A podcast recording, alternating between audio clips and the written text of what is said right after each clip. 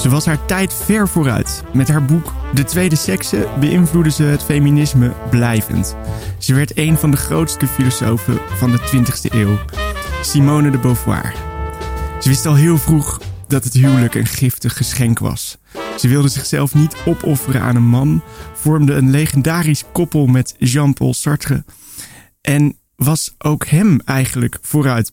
Het lichaam verbergen, je schamen, ja, jezelf kleiner maken en afwachten. Hè, al die dingen die je aangeleerd worden, uh, maken je tot vrouw. Laat de Beauvoir zien. Ze kon zo hard werken en ook zo hard studeren. Mm. Ze las ook veel meer dan Sartre. Dat is Ja. onvoorstelbaar, ja. Dit is de Beauvoir Podcast. Een podcast van uitgeverij Ten Haven over het leven en denken van Simone de Beauvoir en haar betekenis in de 21ste eeuw. Aanleiding is de Nederlandse vertaling van de nieuwe De Beauvoir-biografie Een Leven van Kate Kirkpatrick en een brievenboek waarin 16 Nederlandse en Vlaamse schrijvers zich persoonlijk tot Simone de Beauvoir richten. Met een aantal van deze brievenschrijvers ga ik in gesprek en uiteindelijk ook met de biografen. Vandaag doen we dat in de eerste episode met Janna Loontjes, schrijfster, romancier, filosoof.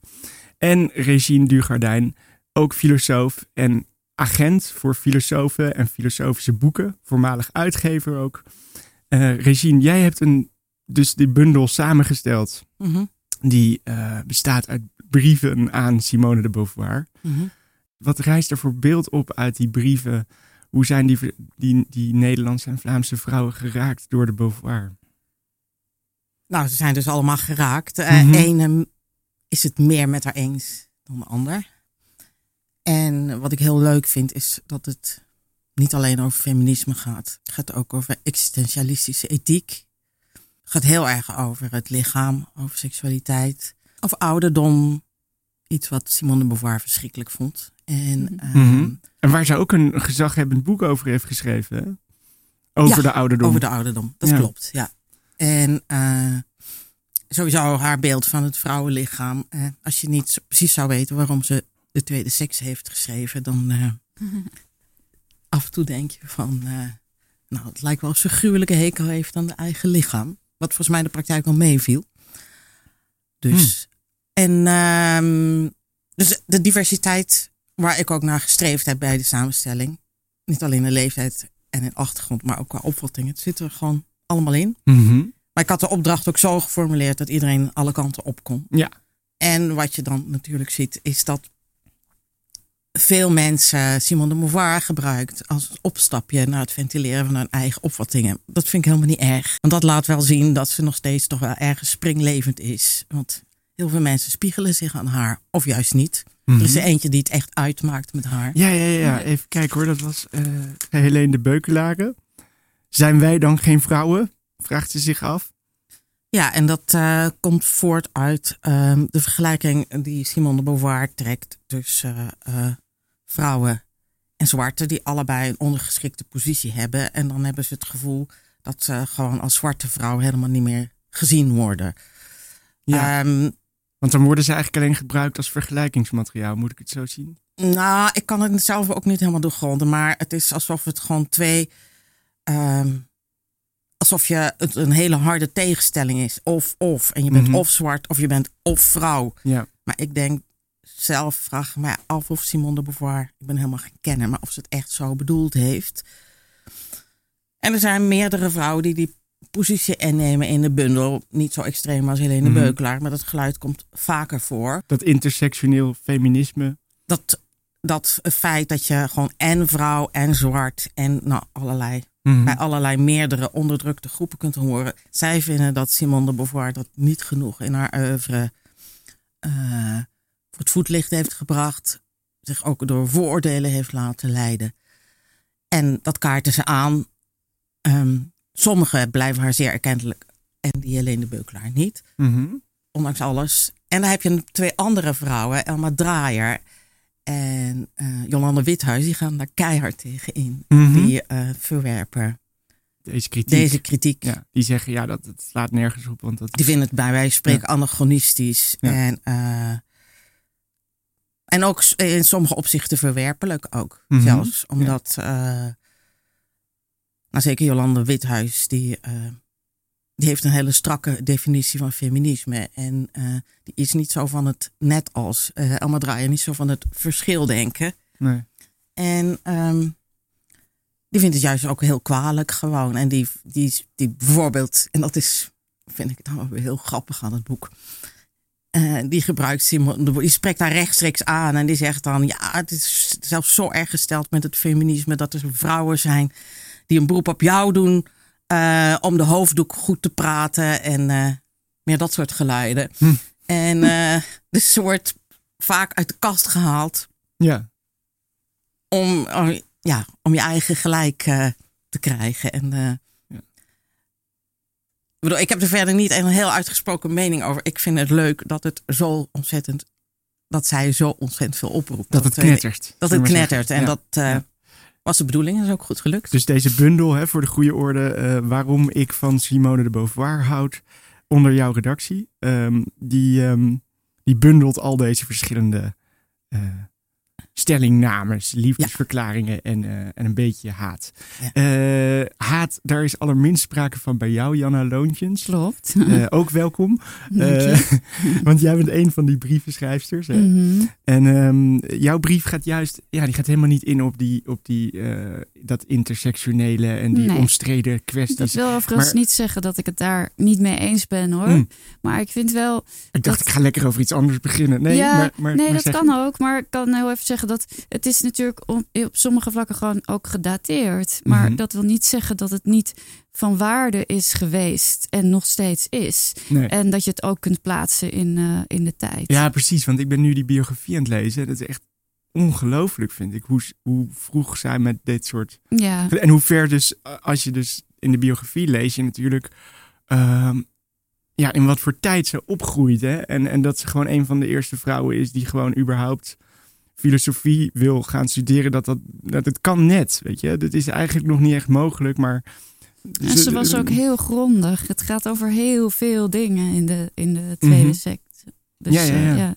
Ja, en de tweede sectie komt dan uit net na de Tweede Wereldoorlog. Maar het Ja. feit dat zij alleen al begint met studeren en met niet uh, zich laten uithuwelijken, om het maar een beetje zo te zeggen, Mhm. dat speelt al ver voor de Tweede Wereldoorlog. Zo'n beetje halverwege de jaren twintig. Mm. En, uh, en ook dan is ze zichzelf al zo bewust. Dus als, als puber eigenlijk van die hele rol waar ze niet aan mee wil gaan doen. Um, en, en ja, dat dat echt helemaal uit, uit haarzelf komt. Vind ik heel indrukwekkend. Ja. Maar goed, het gaat niet om wat ik ervan vind, maar wat, wat, wat heeft jou geraakt aan uh, Janna Loontjes? Nou ja, aan, ik, aan ben door, uh, ik ben ook door de tweede sekse geraakt. Maar Mhm. ik schrijf in mijn brief ook vooral over dat ik ook heel erg geraakt ben door haar uh, literatuur. En, uh, en vooral het boek De Mandarijnen. Mhm. En ze, was, ze is natuurlijk filosoof, maar ze is ook zeker romancier. En je ziet bij de existentialisten dat ze eigenlijk allemaal filosoof en romancier waren. Maar je ziet bij Camus en Sartre bijvoorbeeld, als ze een roman gingen schrijven, hadden ze heel duidelijk een idee dat ze onder woorden wilden brengen op een literaire wijze. Terwijl bij Mhm. Simone de Beauvoir zie je veel meer in haar boeken een soort onderzoekend denken en het proberen echt um, zich in te leven in de personages. En het was veel meer een poging om mensen te begrijpen op allerlei vlakken. Dus niet alleen maar hè, een conceptueel idee, maar ook in, in het voelen, in de twijfels, in de onzekerheid, in hè, uh, gemengde motivaties. Of hè, Mhm. wat is nou eigenlijk mijn motivatie? Dus al die lagen. En Ja. dat, dat doet zij schitterend in haar uh, schrijven. En dat heb ik heel erg inspirerend gevonden. Ja, jij noemt dat een troebele levensechtheid. Ja, En dat, dat is eigenlijk wat je nou zegt ook. Dat het aan de ene kant gaat het over ideeën, maar aan de andere kant zijn die ideeën nooit puur um, één op één vertaald naar een situatie. Het gaat ook om de strijd met die ideeën en hoe moeilijk het is om ze toe te passen in Ja. het, het leven. Ja, ja precies. En, en aan welke ideeën ben ben je loyaal? Dat is natuurlijk, hè, ben je loyaal aan je vrienden of aan je politieke uh, voorkeur? Of dat soort, dat soort tegenstrijdigheden, die komen allemaal samen in die karakters. Het is heel, vaak heel moeilijk om een uh, keuze te maken. Mhm. En ook als je, als je haar filosofie leest, is ze eigenlijk heel uh, scherp en heel rationeel. Hè? Maar in, in haar romans is ze dus, laat ze zich veel meer leiden, ook door gevoelens en verbeelding. En, en daar is ze dus ook echt briljant in. En veel sterker, vind ik, dan bijvoorbeeld Sartre. Waarom? Nou ja, door wat ik net eigenlijk zei. Dat ja, ze die dus, complexiteit die ze intact ja, houdt en in dat ze dus van... die personages zijn heel levensecht. Ja. En, eh, en dat, die zet ze dus heel gelaagd neer. En, ehm, en bij Sartre vind ik dat veel minder het geval. Is hij dan wel iemand die dat meer als, als een personage gebruikt als containers van zijn ideeën? Ja, dat gevoel heb ik wel in zijn, eh, in zijn eh, romans. Ja, dat Ja. er echt een idee aan ten grondslag ligt. Ja. Dat is interessant. En inmiddels weten we ook dankzij Kirkpatrick dat het ook door de Beauvoir komt dat Sartre überhaupt begon aan een roman eh, over eh, zijn Oh ja. ideeën. Mm. In ieder geval de eerste keer dat hij zo'n roman schreef, eh, zo'n ideeënroman, was het eigenlijk omdat zij dat suggereerde. Er zijn meer punten waarop die biografie laat zien dat de Beauvoir eigenlijk met, zijn, met haar ideeën Sartre beïnvloeden en niet andersom, zoals het vaak wordt weerspiegeld, toch, Regine? Je hebt bijvoorbeeld eh, bij Sartre eh, en ook bij haar een heel belangrijk onderscheid eh, tussen hoe je zelf van binnenuit beleeft en hoe anderen naar je kijken. Ah ja, precies. En nou, dat wordt toch eigenlijk altijd aan, aan Sartre toegeschreven. Maar Ja. dat bedenkt zij eigenlijk als, als kind al, Mm. blijkt uit de biografie. En dat is echt helemaal geweldig. Ja, dat is heel dat is interessant. natuurlijk ook een belangrijk punt. Eigenlijk in de tweede seks. Het is ook Ja. iets heel vrouwelijks natuurlijk. Hè? Van de hele tijd de blik van de ander voelen. Ja. En dat zegt ze ook. Van dat is ook hoe je eigenlijk meisjes eh, vrouw worden. Doordat ze zich eh, ja, gaan schamen en onzeker gaan voelen door de blik van de ander. Mhm. Wat ik dan wel opvallend vind, hè, want ik eh, sinds ik eh, nou ja, die, die klus kreeg om eh, dit boek te maken en bedacht dat dat het brieven moesten worden, Mhm. ben ik eigenlijk alleen maar sindsdien alleen maar de Beauvoir aan het lezen. Oh ja, je bent helemaal, vers, je bent helemaal verslingerd, hè? Dus ja, ik, ja, tenminste, ja, ik heb de biografie van Susan Sontag tussendoor gelezen. En verder heb ik alleen maar, ben ik haar eh, autobiografie aan het lezen. Wat ik zo raar vind, dat ze zegt van, nou, een filosofie, eh, daarvoor verwijs ik naar Sartre. Want hij, eh, Mhm. nou, hij kan het veel beter verwoorden dan ik. En ik snap dat Ik gewoon snap niet. dat ook niet. Ik Het is- snap die loyaliteit het is irritant. niet. gewoon. Versta, ik begrijp het niet, ook gezien haar. Dan heeft ze al de tweede sekse geschreven. Dan heeft ze al zoveel laten zien. Dat ze zich dan toch helemaal alleen maar gaat uit in haar eigen memoires. Alleen maar gaat vertellen wat hij van iets vindt. Door later komt ze wel weer meer terug, zeker als het over politieke kwesties gaat.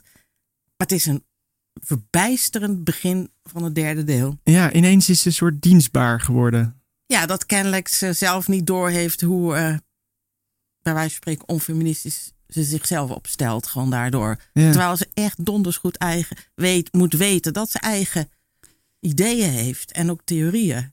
Maar zou ze dan onzeker zijn geweest over die theorie? Want ze was het op veel punten gewoon eigenlijk niet met hem eens. En toch verdedigt ze dan zijn stelling. Terwijl Ja. blijkt uit haar schrijven dat ze het er niet mee eens is. Ja. Dat is zo merkwaardig. Ja, het is- gaat natuurlijk heel erg over wat jij heel erg naar voren haalt. Ja. Na een brief, maar ook eh Daan Ja. Rovers, andere filosoof in het gezelschap. De dubbelheid van de moraal. Ja, die ambiguïteit van de moraal. En ik- Mhm. Zij heeft later, en dat heb ik zelf nu met eigen ogen ook gelezen in deel 3 van de memoirs, dat ze zegt, ja, is een werkje van niks. En dit en dat. Dat kraakt ze zelf af, hè? Kijk, ze Ja, zelf maar laat ik af. zeg, we zeggen dat nou zo, de dubbelheid van de moraal. Maar misschien zijn er luisteraars die, die dat niet kennen. Ja, dus je moet het dat gaat even erom dat je eigenlijk nooit algemene oordelen kunt uitspreken over wat iemand moet doen in een bepaalde situatie. Dat het altijd contextgebonden is hoe iemand zijn eigen leven probeert vorm te geven en welke principes hij dan, hij of zij dan probeert te luisteren. Ik bedoel, dat is mijn leken uitleg ervan. Ja. Mhm. En dit is iets wat zij dus heel duidelijk verwoordde. Maar Ja. terwijl Sartre zei, wie kiest, kiest voor allen. Hè? Dat je juist altijd als je een keuze maakte, eigenlijk op zo'n manier een keuze moest maken. Dat het echt een, een, een keuze uitdrukte waarmee je, of, een, of, een, of dat je keuze een opvatting uitdrukte over de wereld. Die je zou willen verdedigen tegenover iedereen. Wat heel stellig en heel zwaar is ook. Hè? Dat je moet altijd precies weten waar je voor staat. Terwijl de dus laat zien, Veel dat weet je vaak helemaal niet. Ja. En je doet vaak maar wat. En, hè, en dat het dus Ja. inderdaad elke keer weer anders kan zijn. Van, Ja. En voor elk persoon anders kan zijn. En daar had zij veel meer oog voor. eh, dan Trouwens, niet in haar persoonlijke leven. Want ik vind bijvoorbeeld hoe ze met Mm. vrienden omgaat. Dat vind ik nog bijna het meest schokkende. Dat ze zo kan breken met mensen. Oh ja? Omdat ze politiek gezien niet met ze eens Ja, is. ja. Terwijl, en dat ze dan zelf bijvoorbeeld, het, eigenlijk het, het pijnlijkste voorbeeld vind ik toch. ehm, ze krijgt ruzie met Camus. Omdat hij in de Algerijnse oorlog uh, gewoon niet helemaal haar positie kiest. En het is ook heel goed begrijpelijk, want hij komt uit een achterbuurt van Algiers. Mm -hmm. Ik bedoel, hij hoort niet echt bij de koloniale machthebbers, maar zijn moeder woont daar nog. Mm -hmm. Dus hij kan niet helemaal.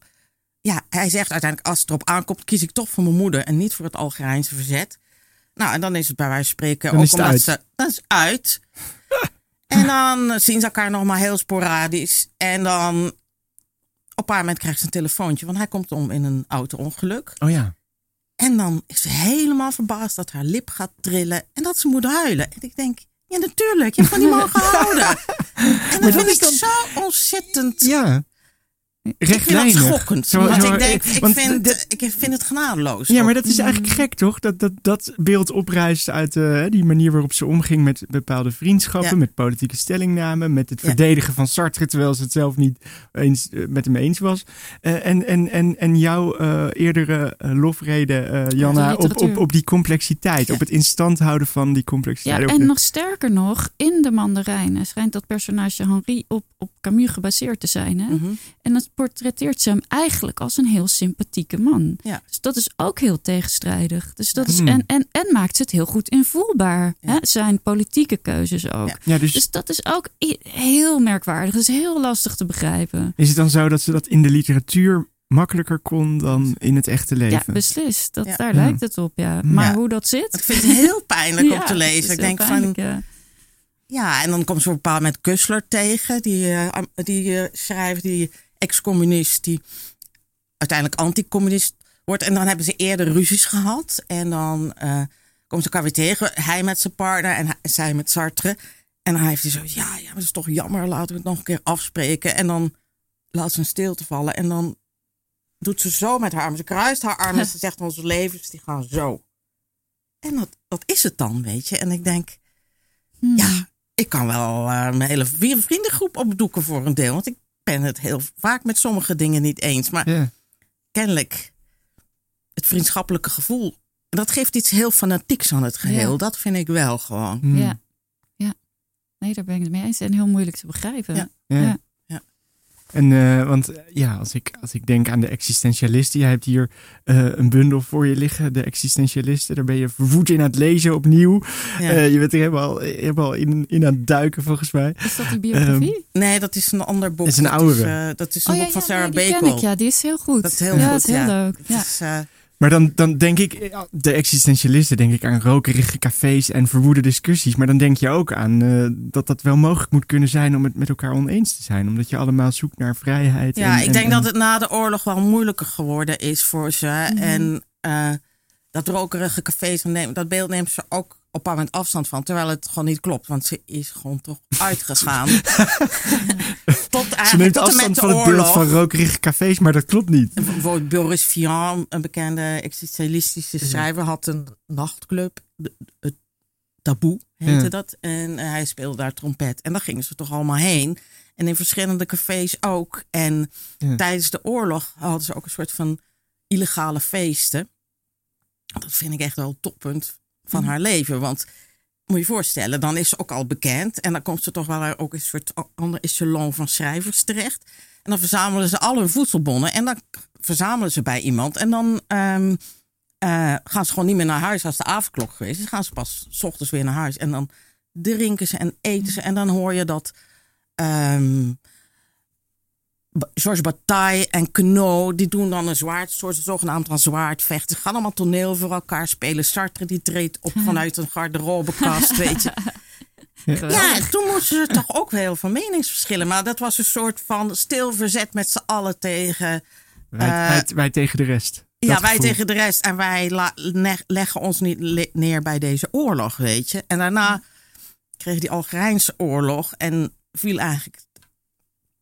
Na de oorlog had iedereen, en nou moet het helemaal anders. En toen viel het hun heel erg tegen hoe antidemocratisch Frankrijk toch werd onder de Gaulle. En eh, Mhm. ik denk dat het toen heel erg is aangescherpt. En het was ook heel erg die tijd van hè, je moest kiezen voor ofwel het kapitalisme of het socialisme. Hè, het socialisme. En, eh, en zij kozen dan toch voor het socialisme. En dat kapitalisme was echt het kwaad hè, een, Ja. een tijd lang. Ik denk dat dat nu heel lastig is om voor te stellen hoe, hoe die tweestrijd of hoe, hoe sterk dat was. Dat je echt iemand kon verafschuwen die dan hè, het over Amerika had op een, eh, in een positieve zin. Ja, Malraux bijvoorbeeld, die Frans, be- bekende Franse schrijver, die ook politicus, die haatte ze werkelijk maar.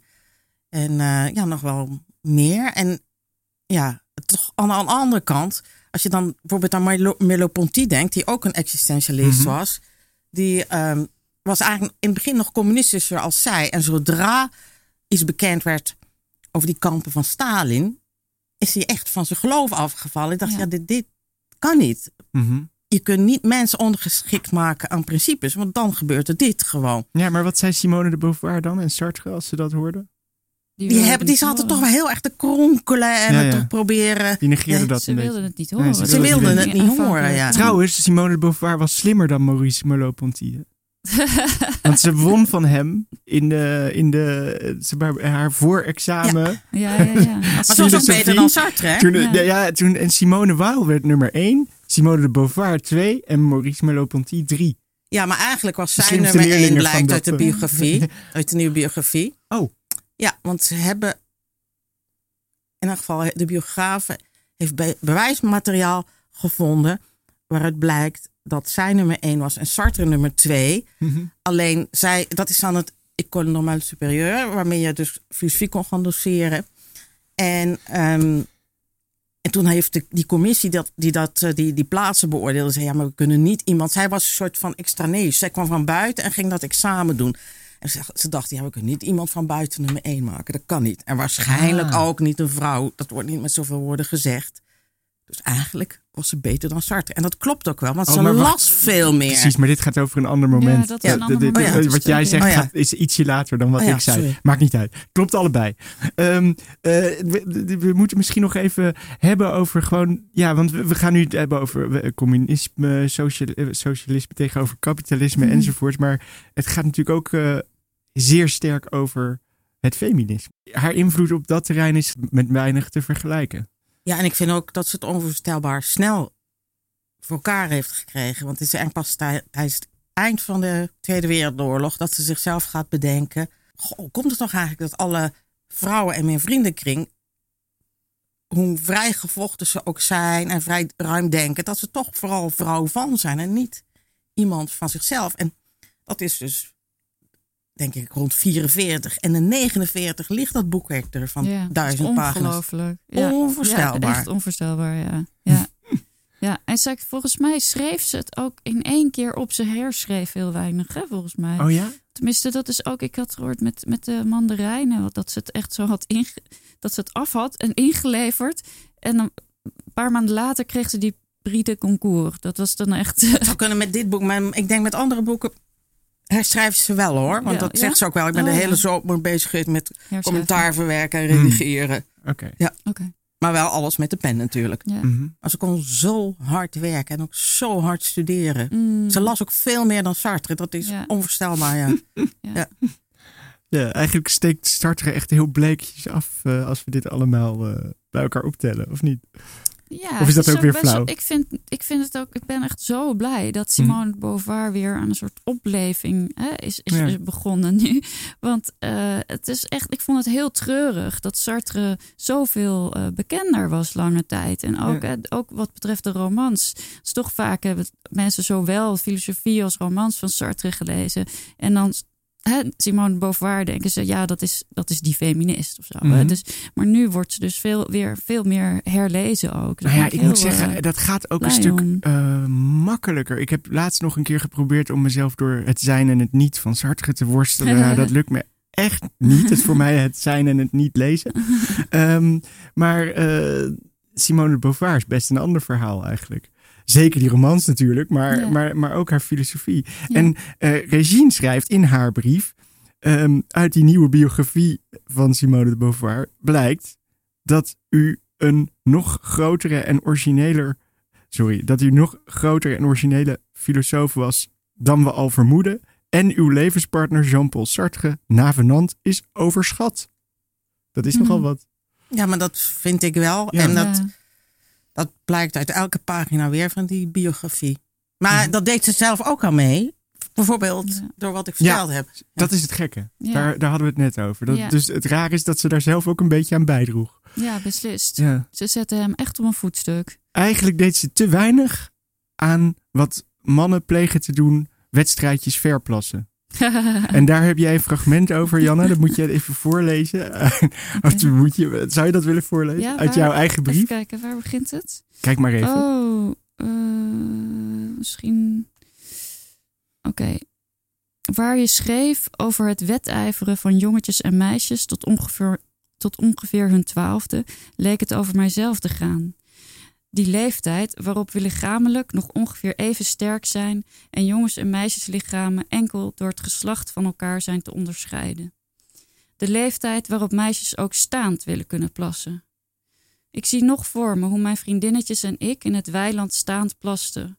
Als we de huid op onze Venusheuvel wat omhoog trokken, konden we onze plasstraal vooruit richten. We daagden de jongens uit, wie het verst kon plassen. Later lachten we besmuikt om deze herinnering. Van jouw boek leerde ik dat het niet zozeer het anatomische verschil, maar juist die schaamte was die ons tot jonge vrouwen maakte. De gêne en de gedragscodes die ons aangeleerd werden. Dankjewel, mooi.